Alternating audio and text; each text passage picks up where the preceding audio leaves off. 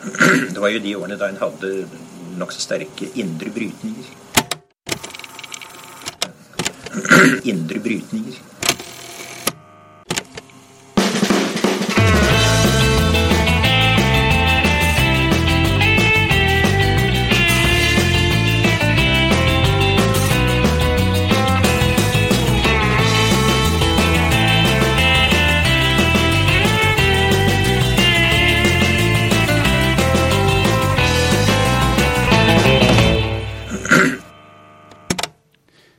Er vi i gang, da. Ja.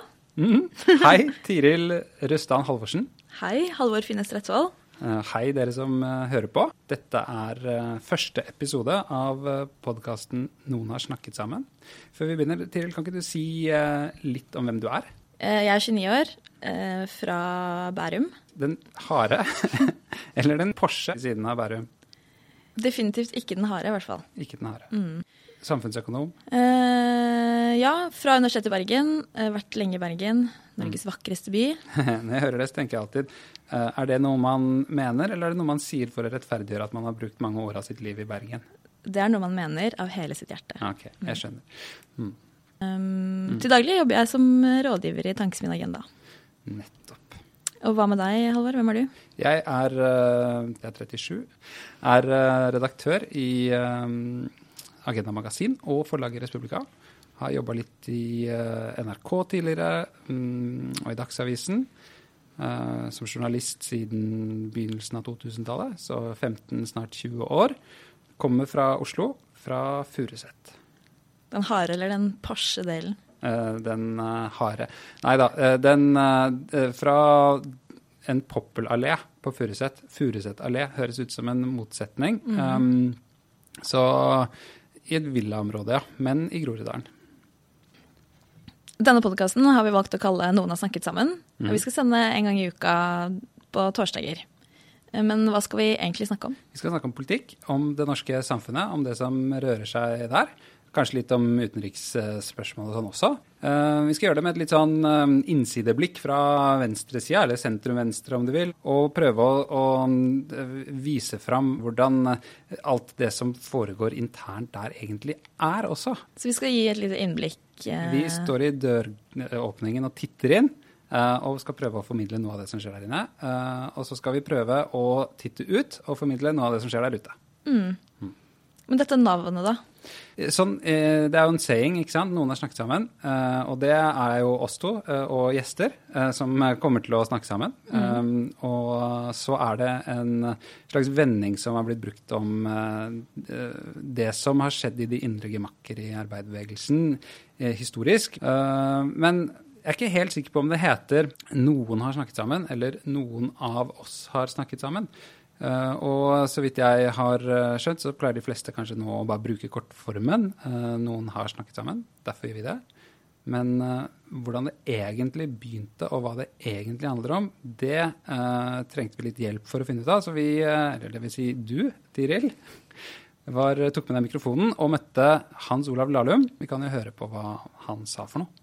Hei, Hans Olav Lahlum. Eh, I 2010 så skrev du en bok som het 'Noen av oss har snakket sammen'. Ja. Kan du forklare bakgrunnen for det uttrykket? Ja, Det oppsto visstnok internt i Arbeiderpartiets sentralstyre fordi når viktige saker, enten det gjaldt personvalg eller eh, politiske saker når man skulle fatte viktige vedtak, så brukte ofte Einar Gerhardsen å si noen av oss har snakket sammen, og vi er blitt enige om at Og så kom det en sånn beskjed à la at det vil være heldig om den statsråden går ut av regjeringen, eller eh, eventuelt at vi ikke innfører dette forslaget nå, osv. Og, og så brukte det å gå rett gjennom i eh, sentralstyret og bli enstemmig vedtatt der. Og så ble det jo spekulert litt på da, hvem var disse noen som hadde snakket sammen? Var det valgte folk som satt i toppledelsen i partiet og bevegelsen, eller var det familiemedlemmer, eller var det en blanding, eller eh, hvem var det? Og det ble til og med på et tidspunkt litt spydig sagt at noen av oss har snakket med seg selv.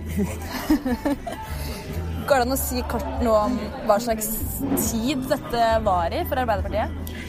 Det var jo en tid hvor partiet var styrt eh, ganske autoritært sett fra vår tid. På mange måter var veldig toppstyrt. Eh, samtidig så er det klart at det var jo, Arbeiderpartiet var jo aldri noen form for diktatur. Det var et demokratisk parti, men det var en tid med litt røffere og mer toppstyrt demokrati enn det vi er vant til i dag. Man la veldig stor vekt, enda større enn i dag, på å stå samla utad og ikke vise frem intern uenighet, i den grad det var det. Så enstemmige vedtak var liksom den store eh, leveregelen eh, her.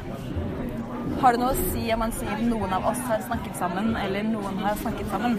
Ja, det var jo en Det hadde jo en betydning den gang, for det var jo en liksom, understreking at uh, noen av oss og de beste blant oss, på sett og vis. Det at det var noen av våre, og ikke hvem som helst, som hadde snakket sammen. Men jeg synes i dag at det er helt greit å lage en litt egen vri på den. Men hvordan går det egentlig med deg, Halvor? Har du litt vondt i sosialdemokratiet? I den kjertelen som sitter et sted mellom uh, milten og leveren eller noe sånt? Akkurat. Mm. Uh, det er ikke fritt, nei. For at, nei. for at det er litt dømt. Hva med deg? Jeg føler at veggene liksom faller litt ned. Mm. Men uh, smått optimistisk, fordi nå er det så mange bra folk som tenker på hvordan man skal mm. Komme tilbake. Jeg vingler mellom å være betinget optimist på vegne av disse sosialdemokratiske partiene rundt omkring i Europa, og være litt sånn dyster eh, pessimist. Uh, og det kan være sikkert ha med dagsformen å gjøre, om jeg har fått meg en kopp kaffe eller ikke. Uh, og sånn. Men, men, det er ikke helt uten at det også liksom er noen grunner til at, at man, liksom, det er noen utfordringer og mørke skyer der. da. Mm. Du har jo til og med vært ute og reist, oppsøkt disse partiene mm. i forbindelse med en bok du skriver. Uff, ja, eh, jeg prøver i hvert fall å skrive på en bok om uh, Ikke sant. Helt siden uh, Hellas, et valg i Hellas for noen år siden, i hvert fall de siste sånn to-tre årene, så har det for sosialdemokratiske partier i Europa uh, gått dårlig i valg. De har tapt oppslutning og blitt stadig mindre. Sånn at de nå begynner å liksom noen er helt nede på 6-7 som i Frankrike eh, og Nederland. Eh, Hellas, som jeg nevnte, er 4,5 eh, eh, eller der omkring. Og, og, så har du andre land hvor de er på 20 da. Eh, som også er lite, ikke sant? Um, for en bevegelse som pleide å ha 40. Mm. Så det, det, er jo alltid spesifikke årsaker i hvert av landene. Det kan ha å gjøre med liksom, politisk kultur, eller det kan ha å gjøre med eh, hvem som var partileder akkurat eh, den gangen det var valg. Eh, han eller hun var altfor stiv, eller han eller hun var altfor høyt utdannet, eller han eller hun var det ene eller det andre. Mm. Det kan ha med, med, til og med noen sånn valgsystemtekniske årsaker som favoriserer på forskjellige måter. Men når, Eller at valgkampen var dårlig ført, rett og slett. Men når alt det er sagt, så er det jo oppsiktsvekkende at det uh, skjer så mange steder samtidig. Og det fikk uh, meg til å lure på i høst hva som var de strukturelle årsakene uh, mm. bak denne nedgangen. Og tanken er at for å kunne gjøre noe med det, så må man i hvert fall skjønne hva problemet er. Mm. Du, har jo, du var i Tyskland, og neste uke, i morgen faktisk, reiser du til Italia. Mm. Eh, fordi denne uka, så 4. mars, er det valg i Italia, som du skal følge der nede. Og så er det uravstemning i det sosialdemokratiske partiet i Tyskland om de skal gå videre i forhandlingene med Merkel. Mm. Eh, kan ikke du fortelle litt om hvordan eh, din tur til Tyskland var? Det er jo, eh, For det første så har du rett, det er en sånn skjebnedag på søndag for uh, sosial, enda en skjebnedag, sånn, sosialdemokrati i Europa. Um, og det er pga. de to tingene, um, nemlig valget i Italia og um, at vi får resultatet i uravstemningen i Tyskland. Ja. Mm. Og ikke sant, det uh, handler om skal uh, SPD, som partiet i Tyskland heter, gå inn i enda en storkoalisjon med Angela Merkel. Det har de gjort i åtte av de tolv siste årene. Da har de sittet i storkoalisjon med Merkel. Og eh, det har svidd skikkelig. I mm. 1998 hadde de 41 eh, I høst så fikk de eh, 20,5 så en halvering av oppslutningen. Så da tenkte alle nei, nei, vi kan ikke sitte i storkoalisjon mer. Det forvirrer folk. Det gjør at de ikke klarer å se forskjell på oss og den andre sida. Uh, de fleste jeg snakket med da jeg var i Tyskland, uh, hadde opprinnelig den holdningen. Men så skjedde det, da, som ofte skjer i politikken, at den endrer seg over natta. Og det som skjedde i Tyskland, var at de borgerlige partiene som, danne, som skulle prøve å danne regjering, eh, da SPD sa at vi vil ikke sitte i storkoalisjon mer, eh, de snakket sammen, hadde sonderingssamtaler som strakk seg over uker, og så kollapset de. Mm. Eh, da tilfeldigvis var jeg i Tyskland da det skjedde, i slutten av november. Um, og det var som om uh, SPD-folk først ikke skjønte helt hva det betydde. Uh, ja, uff da, hva nå, liksom? Og så gikk det, opp, gikk det opp for dem etter et par døgn i løpet av en liten uke at shit, nå er søkelyset på oss igjen. Hva skal SPD gjøre? Ikke sant? Og det har vært, det har vært en debatt da, som er, jeg tror uh, for de fleste sosialdemokrater i Tyskland har vært kjempevanskelig å ta stilling til. Uh, det er som om hodet liksom går litt i spinn, har jeg inntrykk av. fordi på den ene siden så er det gode grunner til å gå ut av storkoalisjonen nå. Man hadde gjort et uh, dårlig valg. Uh, det forutsetter at man må skjerpe profilen, at man må fornye partiet. Dermed kan det være nødvendig med noen år i opposisjon. Men hvis man ikke går inn i uh, en ny storkoalisjon, så kan det utløse nyvalg i Tyskland. Og hvis det blir nyvalg i Tyskland nå, så kan resultatet bli enda dårligere. Så da tør man ikke helt det. Men så hvis man uh, går inn i en ny storkoalisjon, så tror man at valgresultatet om fire nye år kan bli enda dårligere enn det igjen. Så er man tilbake, da. Så snurrer det sånn rundt og rundt, så klarer man ikke helt å ta stilling til det. Hvis de lander nå på eller hvis uravstemningen viser at de godtar eh, forhandlingsresultatet, så kan man vel kanskje si at de setter landet foran eh, partiet, da. Ja. Og det er jo, Klassisk sosialdemokrater. Opp, altoppofrende og Ikke sant. Det har jo sosialdemokrater alltid gjort. Mm. Um, men nå, i Tyskland så er det sånn, en følelse hos mange av at nå står det på en måte om uh, partiets sjel og framtid. Uh, på en annen måte enn tidligere. At det, mm. dette er liksom, De kjenner på at de har kommet til et slags sånn vippepunkt, hvor de må virkelig vurdere hvordan de skal endre hele profilen sin på en sånn måte at de gjør seg relevant igjen for flere. Men Er det reelt sett et vippepunkt, eller er det bare sånn man føler når man står oppi det uansett? Nei, altså, jeg, Det er jo uh, begge deler. Jeg, jeg har sans for argumentasjonen at, at uh, det er nødvendig med nytenkning i sosialdemokrati i Tyskland som i mange andre land i Europa. Og at en krise som et dårlig valgresultat der kan være en anledning til å ta den skikkelige loftsrydningen og finne en profil og en retning som er relevant for, for framtida. Uh, og samtidig så er det sånn at hvis man går i regjering og venter fire år, og så er det valg igjen, så vet man jo av erfaring at den politiske realiteten har endret seg. Da er, er det noen nye spørsmål og saker og sånn som man diskuterer. Mm. Sånn at det kan jo åpne seg rom og muligheter hvis man gir det litt tid. Og da er det kanskje lurt å, å det, er fall, det, er i hvert fall bedre å, å sitte i regjering og ha noen markante, tydelige partifolk i mediene og andre steder, enn liksom å forsvinne mer ut i periferien av, av den offentlige oppmerksomheten. Selv om det kan gi rom for, uh, for fornyelse og, og, en skarpere profil, så, så kan det også utløse nyvalg, og da er man altså, tenker jeg, ikke på 20,5% som de fikk nå, men ifølge meningsmålingene helt nede på 15-16 mm. Så alle andre enn SPD-medlemmene vil trekke et lettelsens sukk eh, hvis de sier ja? Absolutt. Og det så man jo også da denne regjeringsforhandlingene med Merkels parti var ferdig. Så var det liksom eh, utenriksministeren i Norge, Ine Marie Eriksen, og mm, Macron i Paris og liksom alle sammen sa bare pju! Endelig så det, er det noe godt nytt fra Tyskland. De har blitt enige. Nå blir det en regjering der. Det betyr at uh, masse prosesser i EU kan fortsette, og at man liksom kan komme videre i politikken. Uh, og at det ikke bare er et forretningsministerium som sitter i uh, Berlin.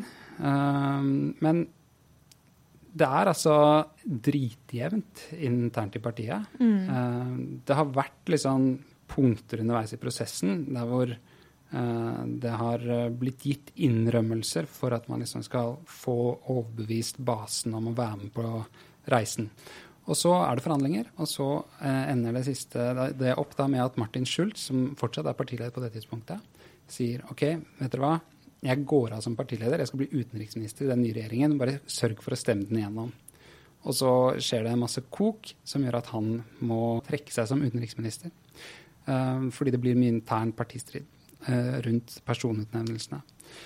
Så det er liksom situasjonen. Et uh, salig rør. Den nåværende lederen, uh, eller den framtidige lederen, som er utpekt som en slags etterfølger, hun Andrea Nales, hun uh, står på samme linje om å gå inn i, inn i regjering. Um, men om de får støtte for det siste avgjørende punktet her, kommer over det hinderet, det er jeg jaggu ikke sikker på, altså.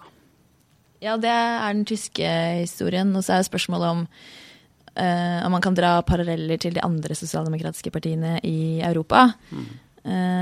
Og på mange måter kan man jo ikke gjøre det. Mange som spår sosialdemokratiets død på en sånn fordi det går dårlig i Tyskland, så går det også dårlig alle andre steder. Og det, det tror jeg ikke stemmer, nettopp fordi det er personkonflikter, maktkamper, dårlige valgkamper, dårlige strategier. Man har samarbeida, sittet i koalisjon med høyrepartier eh, lenge osv. Men eh, samtidig så er det vel noen fellestrekk. Det er noen spørsmål sosialdemokratene eh, i det brede ikke har klart å finne svar på. Kan man kanskje si globalisering, innvandring, eh, teknologisk utvikling eh, osv. Mm. Hva tenker du? Um, jeg tror du har rett i mye av det.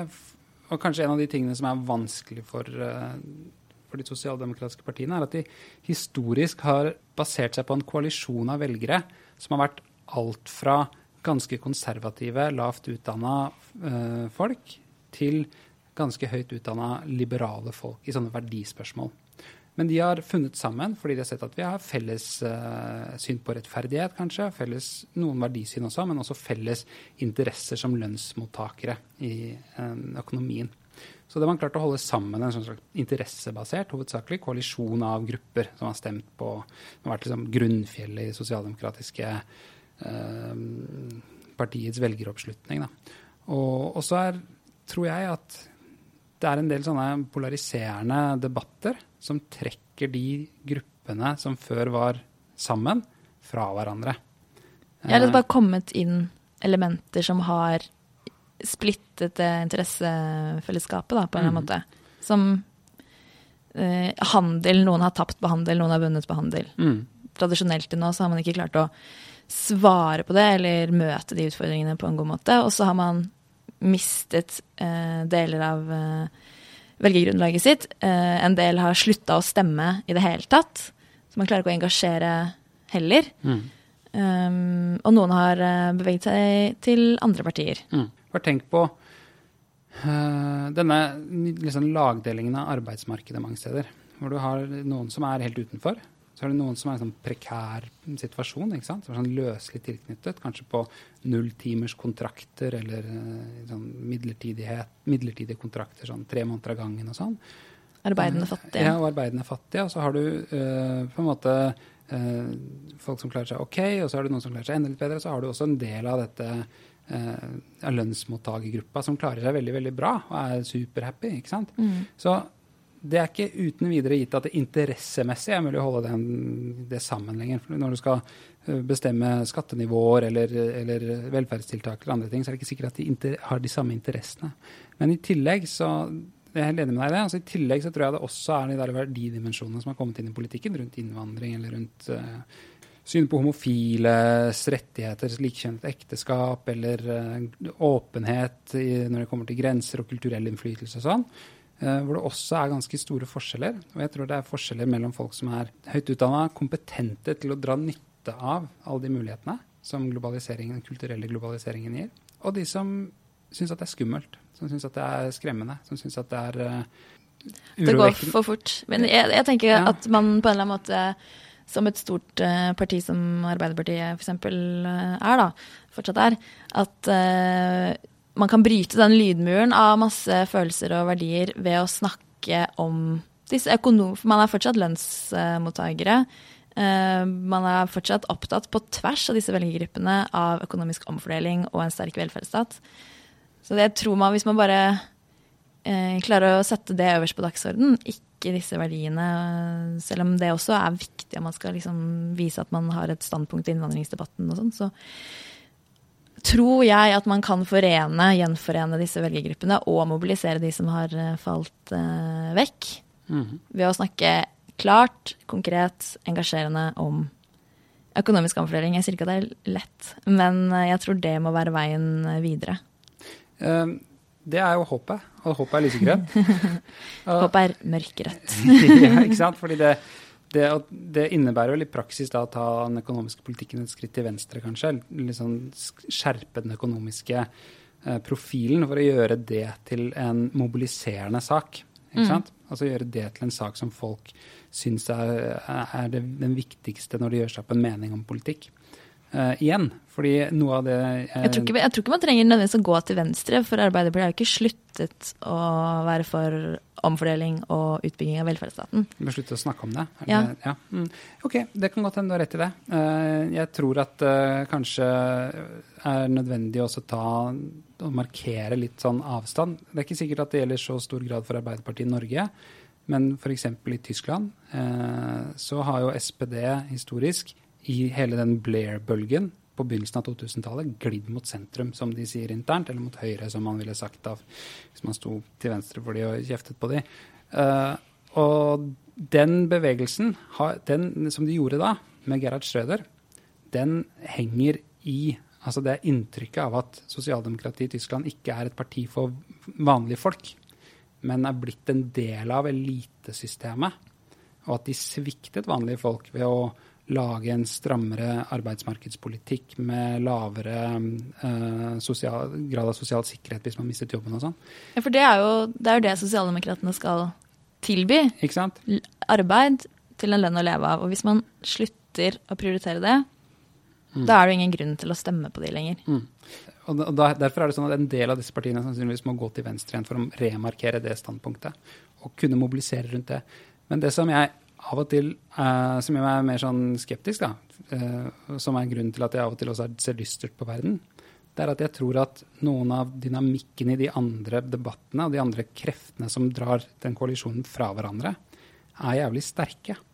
Uh, og når vi snakker om innvandringsdebatten f.eks., så ser vi jo daglig liksom hva slags ekstremt mobiliserende kraft den har. Og jeg tror det henger sammen med en videre vifte av problemstillinger som knytter seg til den der følelsen av at framtida kommer for fort, at man ikke henger med, at man er liksom left behind eller etterlatt på stasjonen og ikke er med på liksom moderniseringen av, på mange forskjellige måter. Uh, og den, det virker sterkt for enkelte grupper som liksom mobiliserende kraft. Da. Når man ikke lenger kjenner at sosialdemokratiet står på en side i de debattene, så uh, er det fort gjort å skli ut til høyre. Mm. Uh, Nå må tette til venstre før man kan eventuelt altså, få med seg alle derfra, fra bunnen og opp. Mm. Så at ingen kan lenger føle at uh, de ikke er med. Mm. Alle skal med. ja, men vil alle bli med? Det er det som er eh, det store spørsmålet. Da må man ha noe um, som er uh, tydelig, i alle fall. Det tror jeg vi kan være enige om. Og så reiser du da som sagt til Italia i morgen, for der er det valg på søndag. Mm. Ikke gitt uh, hva utfallet blir der heller, overhodet. Nei, men det ser ganske uh, ut som at det blir et uklart valgresultat. Og da sitter vi her om en uke igjen og snakker om et enda nytt valg, da, eller? Det blir i hvert fall veldig Ja, vi, vi gjør nok kanskje det. Men det er ikke gitt hva slags liksom, konstellasjoner som kan danne seg etterpå. Nei. Det er tre store blokker. Det er en, eh, en venstreside sosialdemokratisk blokk som eh, det er det som heter eh, Det demokratiske partiet er den største. Det er den det er Husker vel Matteo Renzi. Ja, ikke sant? det er mm. Matteo Renzi sitt parti. Det er uh, på en måte det som er det sosialdemokratiske partiet i Italia. Selv om det er litt, litt videre enn andre sosialdemokratiske partier, så er det det som er nærmest. Og de som er en del av den samme gjengen i EU-parlamentet og sånn, som de andre sosialdemokratiske partiene. Det, og de uh, ligger an til å få et sted på 20-tallet, kanskje. Opp mot 30 hvis de er heldige. Og så har du et, uh, en høyrekoalisjon som består av uh, gode gamle Silvio Berlusconi sitt uh, Forza Italia. Når kom han tilbake? Han, han kan faktisk ikke bli embed, altså kan ikke bli valgt til politisk verv. han har et år igjen. ja, ikke sant. I, han har, fikk en dom mot seg, så han kan ikke det. Men han kommer til å bli en slags sånn syvende far i huset hvis hans del av denne borgerlige eller høyresiden blir det største partiet. Men det er ikke gitt at det blir, fordi det er to andre partier også som er liksom markante i denne um, gruppen av partier. Og det ene er um, som heter Lega Nord. Som er et En gang var det et sånt regionalt parti med, som gikk inn for økt regionalt selvstyre i Nord-Italia. Men så har det blitt etter hvert mer av et type høyrepopulistisk innvandringskritisk parti, som mange sammenligner med Front National i Frankrike. Og så har du i, eh, tillegg eh, de gode, gamle fascistene i Italia, i, eh, som heter Brothers of Italy på, på engelsk, da, som er enda et hakk til høyre for Lega Nord 1. Og det tredje store gruppen i italiensk politikk, det er jo Femstjernebevegelsen. Det, det partiet som heter Femstjernebevegelsen, som skaper kaos i systemet her. Fordi alle disse tre eh, gruppene kommer til å få røftlig en tredjedel.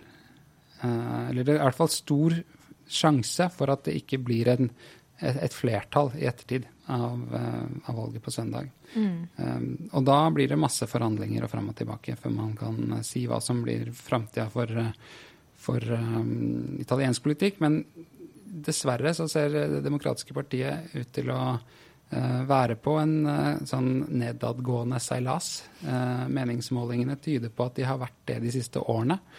og det blir da altså en, etter alle solemerker enda en sånn stein til sosialdemokratiets byrde i Europa i disse dager.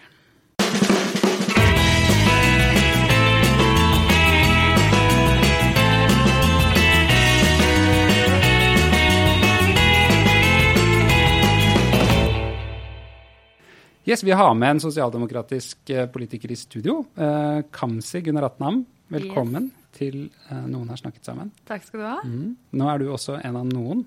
Ja, Hvordan noen av noen av dere, eller noen av de som har snakket sammen? Noen av de som har snakket sammen rundt dette bordet, Nettopp. i hvert fall. Mm. Mm. Men du er kanskje ikke komfortabel med å være blant de noen som har snakket sammen? Nei, ikke bak lukkede dører, nei. Nei, nei. Ja, hvorfor ikke? Nei, jeg mener at jeg alltid har bidratt til å åpne opp eh, mm. debatter. Mm. Eh, bidratt til å få inn nye stemmer. Mm. Eh, utfordre det etablerte. Mm. Så noen har snakket sammen. Det syns jeg er en litt, eh, litt sånn fornærmelse mot det partiet jeg tilhører, eh, hvis det fortsatt er en realitet. Mm. Men uh, vi er, tenker jo at det er et poeng å åpne opp akkurat som deg, så det er jo kanskje derfor vi har valgt det navnet, for å leke litt med det. Ja, da ser jeg fram til det. Ja, Så bra. Du, vi har snakket om, om sosialdemokrati der ute i Europa. Mm. Uh, og det er jo uh, Det sliter jo litt rundt omkring. De mm. siste par årene har det vært mye dårlig nytt i sånn, valg og sånne ting. Og det er en stor diskusjon om hva det skyldes. Og sånn, så er det jo alltid på en måte spesifikke grunner rundt omkring. For de ulike landene? Ikke sant? Det er det jo alltid. Mm. Men hvordan ser du på det? Er liksom også det norske Arbeiderpartiet en del av det store bildet? Eller er det egne ting som er årsaken her?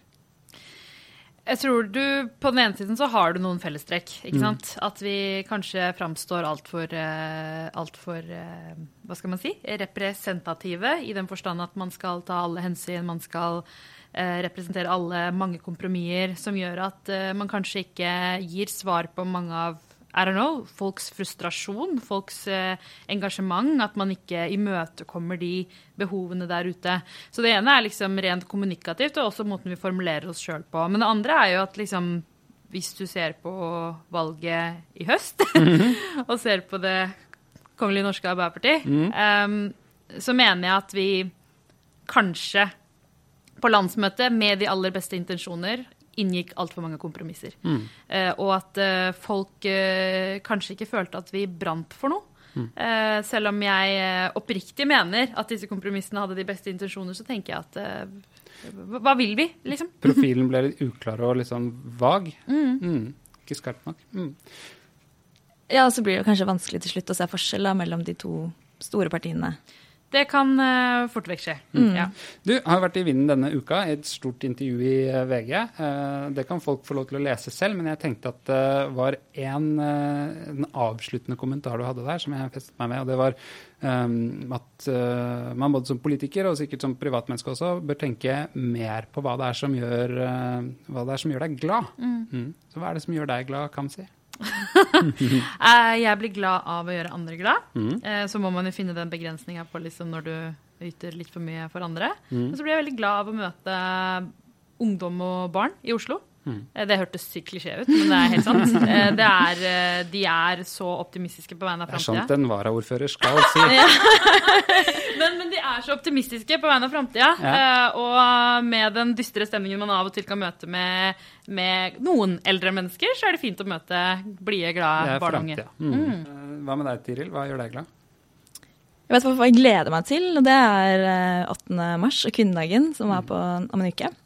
Så da skal i hvert fall jeg gå i tog og spise frokost med venninnene mine. Hva, hva pleier du å gjøre på 8. mars, kan man si? Du, Før jeg kom inn i politikken, så ble jeg med mamma eh, og gikk eh, 8. mars-tog med Tamils kvinneforening. Ja. Ja, På grunn av og for å belyse alle de eh, menneskerettighetsbruddene som skjedde mot eh, tamilske kvinner under krigen. Går de fortsatt? Det gjør de, Ja. men kanskje mindre grad eh, i en egen eh, eh, eget parole, men heller med andre organisasjoner, da. Ja. Mm. Hva tenker du om kvinnedagen 8. mars sin liksom, plass i, i dag? Hvor viktig er den? Jeg mener den er sentral. Mm. og for meg er det en selvfølge å si det. Eh, som er blant de norske bortskjemte jentene som har det meste og er veldig privilegert. Eh, men eh, vi må nok jobbe mer for å gjøre kvinnedagen mer tilgjengelig og gjenkjennelig for flere. Dette, er jo sånn, dette skjer jo hvert år, at det er en sånn debatt om, rundt parolemøtene og sånn.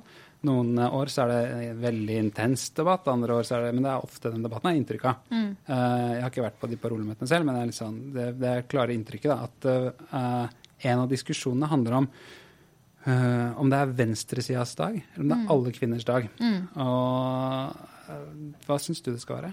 Jeg mener det er to sider av den saken. Jeg mener venstresida historisk har stått for mange av likestillingskampene. Eh, men, eh, men mange av de kampene er i dag hva skal jeg si? Både akseptert og, og en del av hverdagen vår, som, som kanskje de partiene som også i sin tid var imot, eh, nå anser som en del av eh, virkeligheten og naturligheten. Så jeg tenker at man på den ene siden kan snakke om hvem som har skapt og frontet dagen historisk, men i dag er det mange flere som ønsker å markere dagen på sine premisser. Eh, og det mener jeg man skal eh, i mye større grad akseptere, og der også venstresiden kan vise større raushet. På hvilken måte gjør de ikke det? Altså, Vi hadde jo en episode var det et par år tilbake eh, der man, eh, eh, fordi man frontet en gitt parole, ble liksom eh, mottatt med litt eh, stigmatisering, for å si det litt forsiktig. Eh, og jeg tenker at eh, altså Selv for en sosialdemokrat mener jeg at man med sosialdemokratiske verdier kan være både for og imot en rekke saker. Eh, og da tenker jeg bare det spekteret av uenighet man har rundt politiske saker, kan ikke avgjøre hvorvidt du er feminist eller ikke. Eh, og det tenker jeg at egentlig mange av oss må skjerpe oss på i måten man fronter kvinnedagen. Eh, Det er jo en regel at eh, man vedtar noen hovedparoler, og så kan man møte opp med andre paroler som ikke skal være i motstrid med hovedparolene. Mener du da at det er en litt sånn avleggsregel, kanskje? Eller Altså, er det et poeng man- at man fremstår mest mulig samla? Jeg mener at hvis det å bare få engasjert eh, den generasjonen jenter som kommer etter oss til å reflektere litt rundt eh, likestillingen i dette landet, at det er den viktigste jobben kvinnedagen har. Eh, og hvis det eh, Altså et utslag av å benekte mindretallet og stå for sine meninger, er at de føler at kvinnedagen ikke er deres, da får vi et problem. Så jeg mener at man må diskutere måten man markerer kvinnedagen på. Jeg hadde jo ikke hatt tilgang til kvinnedagen hvis ikke moren min tok meg med i toget. Eh, og jeg tenker at det er mange som ikke opplever at kvinnedagen er en naturlig del av deres hverdag. Og da må egentlig alle partier og alle organisasjoner spørre seg sjøl hva er det vi ikke gjør nok av? På hvilke måter er det vi ikke åpner oss på? Eh, Hva tenker du, Tiril? Nei, altså jeg er enig i at den skal være, føles tilgjengelig og åpen og lett å komme til for alle. Samtidig som Eller det er en klassisk motsvar, da, at eh, finn deg en annen parole du kan gå bak. Det er jo masse forskjellig nettopp for at det kanskje skal være litt for en uh, hver smak.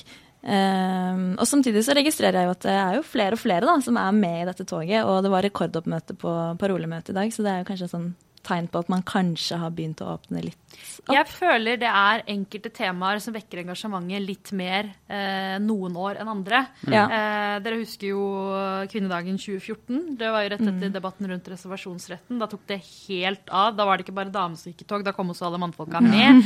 um, og nå har vi jo hatt uh, metoo-helvete. og, og et resultat av det er jo veldig mange som Er det navnet det har internt? Nei, ikke internt, i mitt hode. Ja. Mm. Eh, men, men det er bare for å illustrere Ja. alle historiene som kommer fram nå, og den realiteten disse kvinnene går igjennom. Mm. Eh, og det tror jeg også har vekket eh, mye engasjement.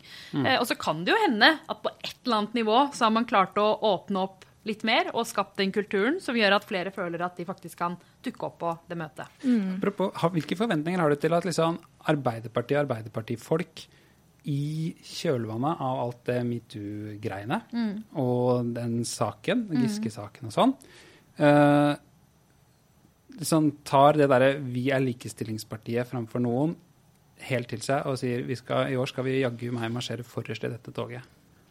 Jeg håper det gjelder alle i Arbeiderpartiet. Eh, nå har jo jeg et hovedansvar i Oslo, Mm. Ja. eh, og jeg mener at Oslo Arbeiderparti har vært eh, eksemplarisk gjennom hele eh, metoo-debatten og den åpenheten det har skapt. Eh, og det skal vi fortsette å gjøre, og det tror jeg at eh, vi kommer til å se på kvinnedagen også. Vi har tittet litt på parolene, da. det de faktisk har kommet fram til eh, på parolemøtet. Og det er jo ikke sant, Jeg er jo da I Oslo må man kanskje presisere. Ja, ja, det er jo den store markeringen på Jungstorget i Oslo som, og det toget som begynner der. Det jeg tenkte vi skulle gjøre, var bare snakke litt om parolene. Eh, leste de opp. Og så kan vi jo ha noen formeninger om de, kanskje. Parolesjangeren er jo sånn eh, Det betyr masse på parolemøtet, og så går det forbi på Dagsrevyen, og så ser man det i eh, noen sekunder. Ikke sant? Så man må liksom kommunisere eh, noe tydelig, tenker jeg. Um, for at det skal virke i den store samfunnsdebatten. Uh, og, og så kan man jo også ha meninger om, om sakene, selvfølgelig. Men er dere klare for, en, for å spille parolespillet? ok. Hashtag metoo fra taushet til kvinnekamp. Alle? En samlende og god parole, Ja, tenker jeg. og veldig aktuelt. Ja, bra. Uh, hva betyr den? Det betyr jo nettopp det, at den har skapt større åpenhet. Og vi ser at det er kvinner som har blitt rammet aller mest. Eh, og det får vi fram. Mm. Så det, Så er det jo bare å håpe at det er kvinnekamp som står der, at det faktisk blir noe politisk endring og faktisk noe skjer da, i etterkant av dette. Og åpenhet, ja, helt klart. Det tror jeg det er ført til, og jeg håper det varer. Og så er spørsmålet om det kommer noe i tillegg, da. Jeg leser den også sånn som en liksom fra Nå har vi begynt å fortelle historien her. Veldig bra at de kommer fram, og at det kan påvirke bevisstheten til folk og liksom mentalitet og sånn. Men at nå skal det tas et skritt videre. Nå skal det liksom inn i og bli til noe politikk her. Det er sånn jeg leser den. tenker om På den ene siden så må politikerne komme med tiltak, Mm, eh, på tiltak. Eh, men på den andre siden så må alle ta sin del av det individuelle ansvaret. Absolutt. Eh, støtt demonstrantene i Iran ned med det kvinneundertrykkende presteregimet i Iran. Den var litt lang, Mhm. men, men det er jo noen av de mest forferdelige regimene i verden. Eh, og det er noe med at, eh, at vi midt oppi våre egne kamper ikke glemmer å se utover egne grenser også. Så ja, vi må ha noe internasjonalt. Ja, helt enig. Jeg heier på den. Jeg tror kanskje jeg ville sløyfet en av i-iranene i den parolen. Redaktør Halvor. Eh, Ikke sant? Men ellers oppholdstillatelse til alle ofre for menneskehandel. Eh, Den er jeg med på, i hvert fall. Hva med dere? Eh, ja, Vi må det gi- var, ja, fordi, Ja. eh, hvis alle Det er jo mange, som, man, mange av de som kommer til Europa, er jo ofre for menneskehandel, sier man jo. Mm. Så spørsmålet er, mener man Ja, da sånn, ja. Og da blir det, kan det bli veldig mange. Mm. Fordi det er den eneste måten å komme seg til Europa på nå. Mm. Vi må hjelpe de i hvert fall. Ja. Eh, og det er ikke nødvendigvis slik at oppholdstillatelse er den eneste måten å hjelpe på. Nei, men tror du ikke de mener de som på en måte har havnet i uh, gateprostitusjons... eh, Hvis det er trafficking sånn klassisk, ja. så er jeg enig, ja. Da Det er så i hvert fall sånn jeg leser det, men, men du har helt rett at nå er jo det som foregår på Middelhavet, involverer jo i en eller annen grad ofte menneskesmugling som grenser over til menneskehandel i noen tilfeller. Og så da blir det plutselig en, kanskje en større gruppe. Ja. Eh, kvinner for fred, stans norsk våpeneksport og militarisering av Norge. Den, eh, det er en sak jeg har tenkt veldig mye på, uavhengig av kvinnedagen. Eh, og det er jo eh, norsk våpeneksport generelt og vår, vårt militære bistand, eh, kombinert med den fredsrollen vi prøver å ha. Jeg tror vi må ha, ikke bare på kvinnedagen, men også en enda større debatt om hva slags nasjon vi ønsker å være. Eh, og jeg tror det vokser fram eh, en, altså Den generasjonen etter oss tror jeg er veldig ukomfortable med den, eh, den hva skal jeg si, two-faced rollen Norge har i en sånn setting. Ja, jeg er veldig skeptisk til disse basene som amerikanerne skal ha her, f.eks. Som jeg men, tror de mener når de sier militariseringen av Ja, mm. Norge. Det tror jeg er kjempedumt og vanskelig. Det kan føre til ekle misforståelser med russerne, annet. Um, og eh, våpeneksport, det må være en større debatt om det, ja. Fordi når du skal prøve å sette um, industrien til, eh, til veggs, så sier de bare at dette er vedtatt av Stortinget. Så vi gjør det som er vår jobb, liksom, og som er vedtatt i, i Stortinget. Så derfor må det være en større debatt. Samtidig som i våpenproduksjon er jo en stor del av den norske industrikollektivet, da. Det er uh, mye penger der som opprettholder norsk industri, så det gjør det he hele bildet veldig vanskelig, da. Ja, jeg, akkurat uh, på sånn paroleplan så tenker jeg liksom at dette er et eksempel på en sånn sjanger som jeg altså, ser ganske ofte i 8. mars, som er sånn sak X er kvinnekamp, kvinnekamp er sak X-type tenkning. Som var litt det vi var inne på i stad, hvor brei eller ikke skal denne dagen være. Skal den være en alle gode, alle gode sakers dag, eller skal den være eh, mer spesifikk rettet inn mot sånn kvinnespørsmål? Og uh, selv om jeg er enig i uh, i hvert fall det med våpeneksport, det med basen er mer krevende og vanskelig, syns jeg. Sånn, rent sånn sikkerhetspolitisk og hvordan man skal posisjonere seg. Men våpeneksport er jeg mer e- eh, enig i det innholdet. Men så er spørsmålet mitt liksom, ok, men er, hvor viktig er det å påpeke det her, liksom? Er dette arenaen? Men fint. Det er veldig farlig å være kvinne i krig. Så Det er det. Absolutt. Uh, ingen tvil. Antirasistisk kvinnekamp mot sosial kontroll og æreskultur. Mm, den heier vi på. Den heier vi veldig på. Den har jo også blitt satt på dagsordenen av de skamløse jentene. Uh, og jeg tror veldig mange har lært av den kampanjen vi har kjørt, og andre har kjørt. Uh, men også fordi at vi må bli mer bevisst på hvem som blir mest utsatt når man ytrer seg. Eh, vi har jo fulgt med på Sumaya, Irde Ali, Ja, ikke sant? eh, nå i det siste. Fæl sak. Eh, og, hun, eh, og det er et, et godt eksempel på hvordan du mye hurtigere blir hysjet ned som mørk, ung jente i samfunnet vårt. Har du noen tanker Nei, jeg, bare, jeg har også lært masse, for det har vært litt sånn minefelt. Hvem skal man kritisere når? Men av de skamløse jentene og alt rundt dem har jeg lært masse om Det er ulike maktforhold innad i minoritetsmiljøene også, som kanskje ikke har vært åpna opp for oss. Så bra før nå, da.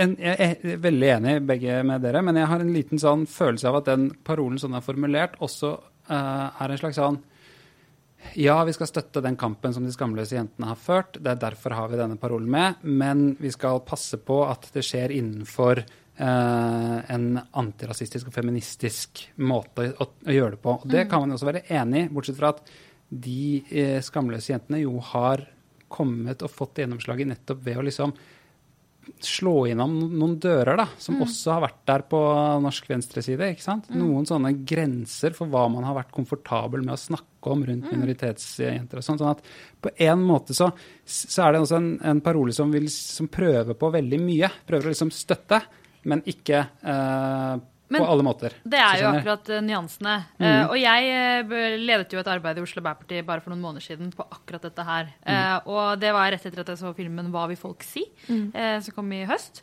Og det som er med den filmen, er at det er jo worst case scenario. At unge jenter bare blir sendt hjem til hjemlandet for å gifte seg med noen og bli der og komme tilbake etter noen år på koranskole, liksom. Men det typiske eksempelet, det er som veldig mange i min generasjon, meg, mine venninner opplever, er at vi trenger ikke alltid at barnevernet kommer inn og har et skikkelig oppgjør med foreldrene. Men at man har ulike typer myndiggjørende instanser som bidrar til å både heve din egen altså selvtillit, men også kompetansen hos foreldrene. Fordi de aller fleste foreldre vil det beste for sitt barn. Mm. Eh, mens det som har vært eh, debatten i Norge generelt, er at enten så skal du liksom bare fratas eh, barna dine, eh, og at eh, jentene skal bli 100% norske, eller så har vi liksom eh, Som kanskje en feil som jeg kan påpeke nå, er venstresida, som kanskje har akseptert litt for mye i, i, altså for å få støtte av ulike minoritetsmiljøer i valgkamper. Så jeg tenker liksom at Det er liksom to polariserende sider her, og så prøver vi å finne den der nyansen i midten som egentlig bare handler om å la folk bestemme over seg sjøl. Liksom. Skjønner.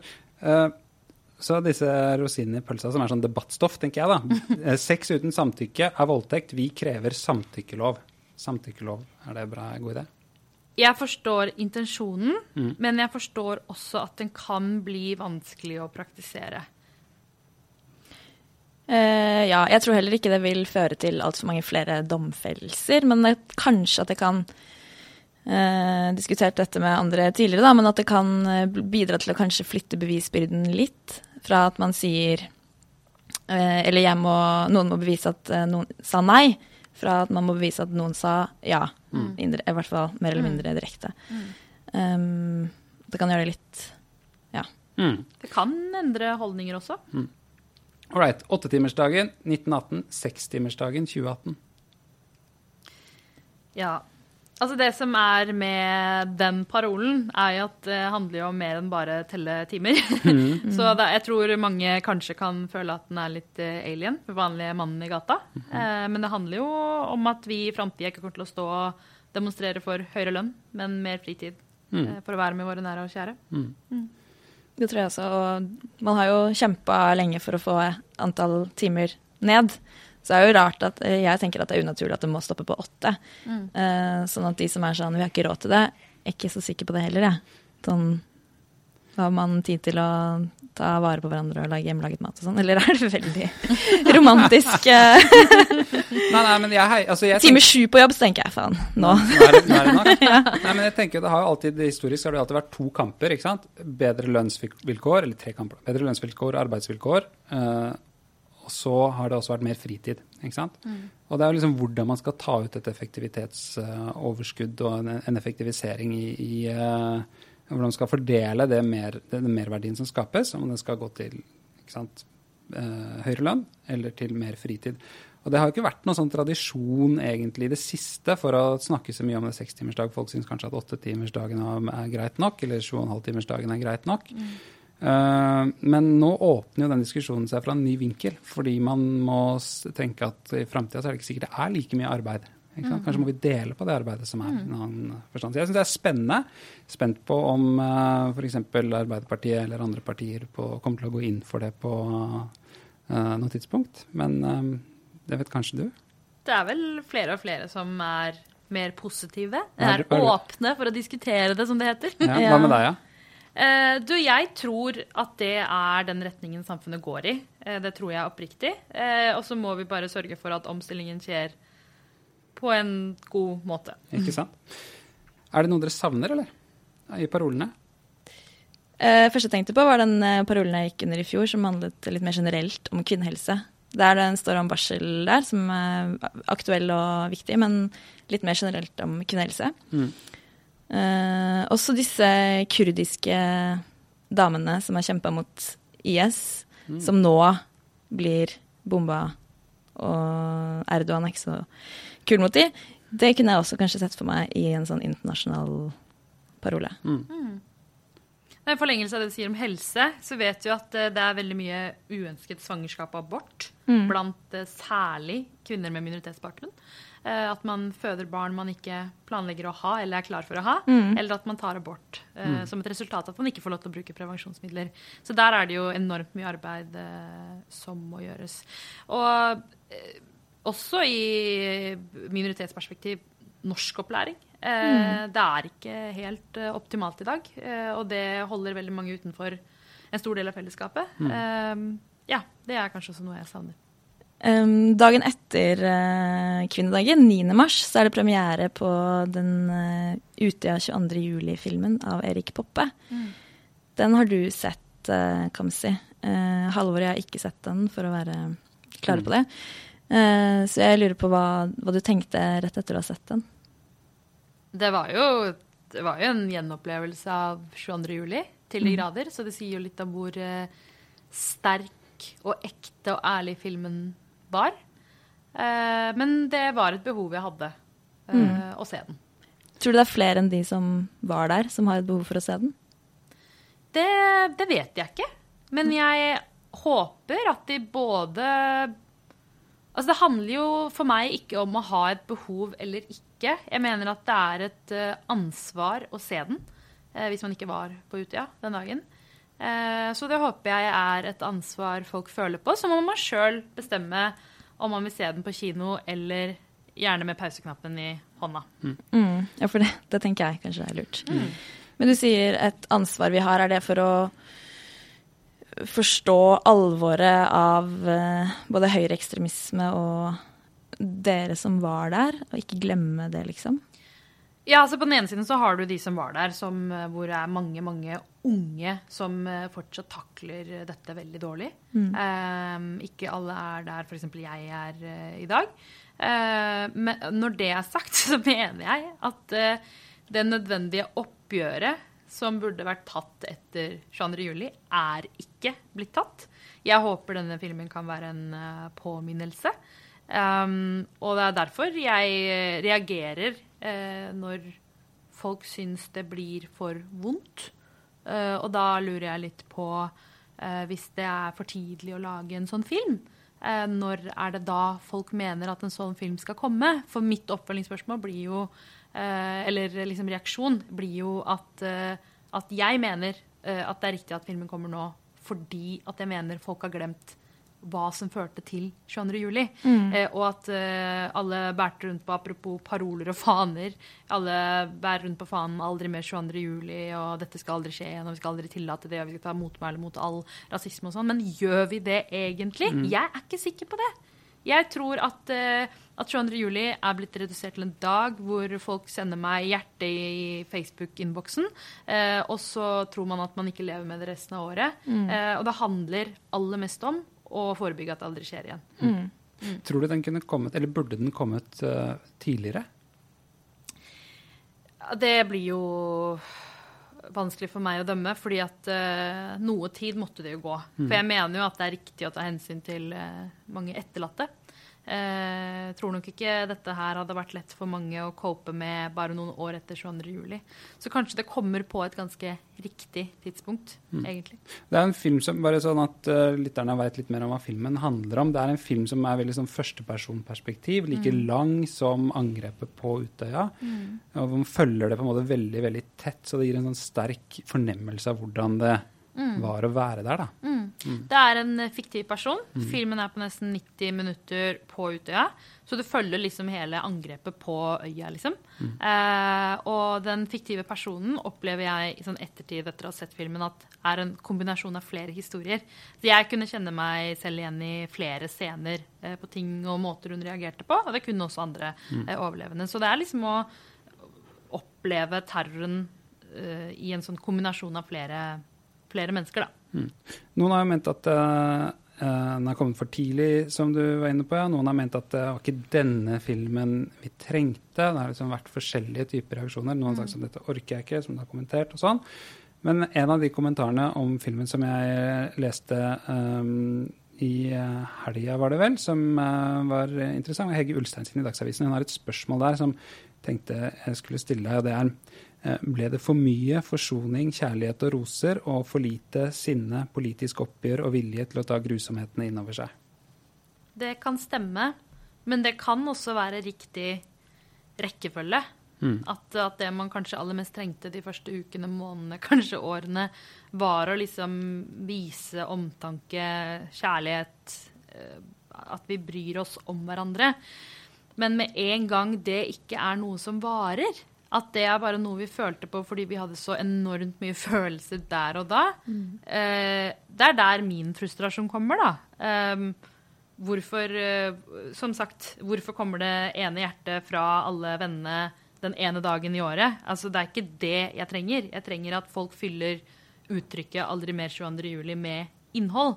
Og jeg syns vi ikke sant, Debatten er blitt redusert til antall politi, antall beredskapssentre, antall eh, Altså hvilke båt eh, man alternativt burde hatt tilgjengelig, istedenfor å snakke om hva var det som skapte Breivik? Ikke sant? Alle de institusjonene som svikta han, foreldrene også. Eh, hvorfor snakker vi ikke om det? Eh, for jeg føler at på den ene siden så har du folk som snakker om dette som det var en accident. liksom, At det bare ops, det bare skjedde en liten bombe i Oslo. Eh, og så var det en, fyr, en gæren fyr, for han er hvit, kristen, så er han gæren. Han er ikke religiøs, Nei, liksom. det er noe med språket. ikke sant? Man snakker om en tragedie eller den, forferdelige hendelsen. og liksom Man bruker sånne Kanskje av en slags et misforstått ønske om å forsøke å ta hensyn. ikke sant? At det kan godt hende det er det som er motivasjonen, men, men et resultat blir kanskje at man ikke kaller det for det det er, men pakker inn noe som burde vært kalt det det var, nemlig Ja. et eh, Det var et politisk angrep, politisk motivert angrep, og det var ikke tilfeldig valgte ofre. eh, det var AUF som ble ramma, og det var en intensjon om å ramme framtidas Arbeiderparti. Og det er fortsatt voksne politikere i sentrale roller i dag som ikke innrømmer det engang. Og uten å erkjenne det, hvordan skal man da håndtere dette for framtida? Og det er spørsmålet mitt, og det er frustrasjonen min også. Mm.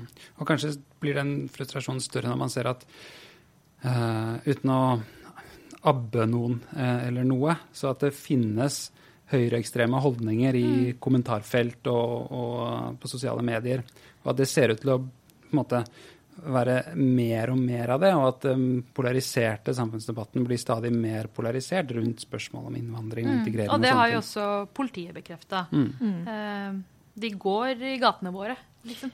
Ja, det var det jeg skulle si. Det er jo ikke bare i kommentarfeltene lenger. Det er jo flere og flere som marsjerer i Norge og i Europa. Og at vi ikke reagerer sterkere på det, det overrasker meg egentlig litt. Og det betyr nok at denne debatten, som forhåpentligvis da kanskje kan komme etter denne filmen, som viser eh, i all sin grusomhet eh, resultatene av en sånn type tenking, kanskje kommer opp og vil føre oss litt videre. Det er jo ikke bare denne filmen heller. Det kommer jo to TV-serier og en film til i løpet av 2018. Tror du det kan bli for mye? Eller trenger vi denne kulturelle bearbeidingen? Jeg tenker at, eh, at eh, det å sitte og sette tak på antall filmer og bøker man kan gi ut, det er litt eh, Ja, det syns jeg at uh, i det åpne samfunnet vi liksom skal skape, ikke skal bruke tid på. Uh, Og så får folk velge sjøl hva de vil se på. Uh, Men dette tror jeg kommer til å være det mest realistiske du kan få innblikk i av en 22. juli-film. Eh, Så du eh, vil avslutningsvis da, oppfordre alle til å se den, Mm. og til å kaste seg inn i debattene. Ja. Kamzy, tusen takk Tusen for at takk. du var med Takk for i kom eh, podkasten vår, som altså heter 'Noen har snakket sammen'. Før vi slutter, eh, Tiril, har du noe du vil eh, tipse folk om? Noe du syns at de bør få med seg? Uh, ja, først vil jeg bare oppfordre alle til å møte opp i Youngstorget og gå i tog 8. mars. Eh, og når toget er ferdig, da, så kan jeg jo anbefale Agenda sitt arrangement på Kulturhuset, eh, som blir eh, fest og moro. Og der kommer bl.a. Emma Claire, eh, Marta Breen, Hadia Tajik, Warshan Ismail og Vigdis Hjorth. Eh, Så der vil jeg anbefale alle å ta turen og feire kvinnene inn i natta. Mm. Og hva med deg, har du noe å selge? Um, jeg har faktisk det, uh, som den kremmeren jeg er. Um, det er eh, en ny bok som kommer ut på Respublika i disse dager, eh, som heter 'Sannhet til salgs' av eh, Dag O. Hessen. Det er en slags sånn innsideberetning fra et universitetsliv som minner mer og mer om et rotterace, sånn han ser det. Um, det han gjør, er å beskrive noen trusler og mm, bekymringer han har knyttet til hele den liksom, kulturen rundt erkjennelse og, og, og opplysning. At vi f.eks. i samfunnsdebatten eh, bryr oss om noe er sant eller usant. Eh, bryr oss om noe er vitenskapelig basert eller eh, bullshit. Men at du ikke bryr deg om det lenger? han mener at det er krefter som truer denne grunnleggende greia i demokratiet, i det moderne samfunnet. Han roper et slags varsku eh, rundt det. Men den er også nyansert, altså. Så det er en veldig bra, fin bok som jeg tenker er midt i, midt i tida. Eh, omkring den diskusjonen om ikke bare fake news, men også fake science. Da var vi ved veis ende i denne første episoden. Hvordan syns du det har gått, eh, Halvor? Jeg har kost meg, eh, i alle fall. Og jeg håper Ja. at, ja, jeg håper at de som har hengt med helt til siste slutt, har eh, kost seg også. Hvis ikke så burde de ha sluttet. Men jeg håper de har likt det, og at de trykker abonner på denne podkasten. Mm. Gi oss gjerne også en vurdering. Det funker visst bra i iTunes og gjør oss mer søkbare for andre. Kult. Da snakkes vi om en uke, da. Det gjør vi.